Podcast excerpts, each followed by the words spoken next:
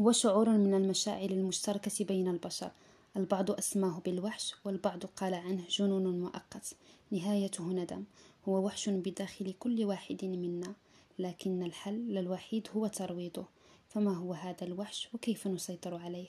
هذا ما سنعرفه في حلقة اليوم. السلام عليكم. مرحبا بي عندكم. ومرحبا بكم معايا في البودكاست اللي هو في الأصل ديالكم الحياة عبارة ثلاث أشياء مهمة.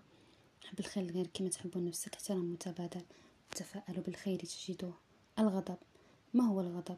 يمكن تعريفه أنه شعور قوي يعطي الإحساس بالانزعاج وعدم الارتياح بسبب حصول شيء ما. هو عبارة عن حالة عاطفية تمر من حالة الانزعاج القليل إلى الانفعال الشديد. وقد يحدث هذا الغضب بسبب أشخاص أو بعض المواقف الناتجة عن القلق من المشاكل الشخصية. أشار علماء النفس أن الشخص الغاضب يمكن أحيانا أن يكون على خطأ لأن الغضب يتسبب في فقدان الشخص القدرة على الإدراك والوعي وضبطه لنفسه. هناك عدة أنواع للغضب الغضب المزاجي أو المتقلب هو انتقال من هدوء إلى غضب عالم كانفجار قنبلة. وغضب عادي هو حالة طبيعية يتولد هذا النوع من الغضب بسبب حدوث موقف أو حالة تستدعي الغضب. يجب الإشارة إلى شيء قد لا ينتبه, لا ينتبه له البعض أن الغضب يختلف عن الانفعال والحالة الاندفاعية.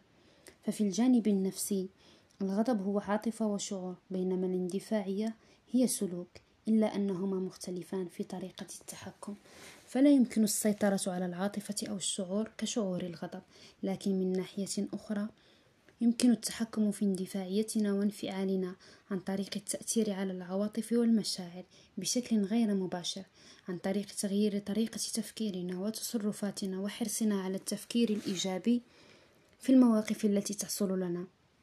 جميعنا نحاول إدارة غضبنا لكن عند محاولاتنا قد نفشل في القيام بذلك فيحدث لنا أمرين أولا الشعور بخيبة الأمل بأنفسنا وأن جهدنا لم يكن كافي.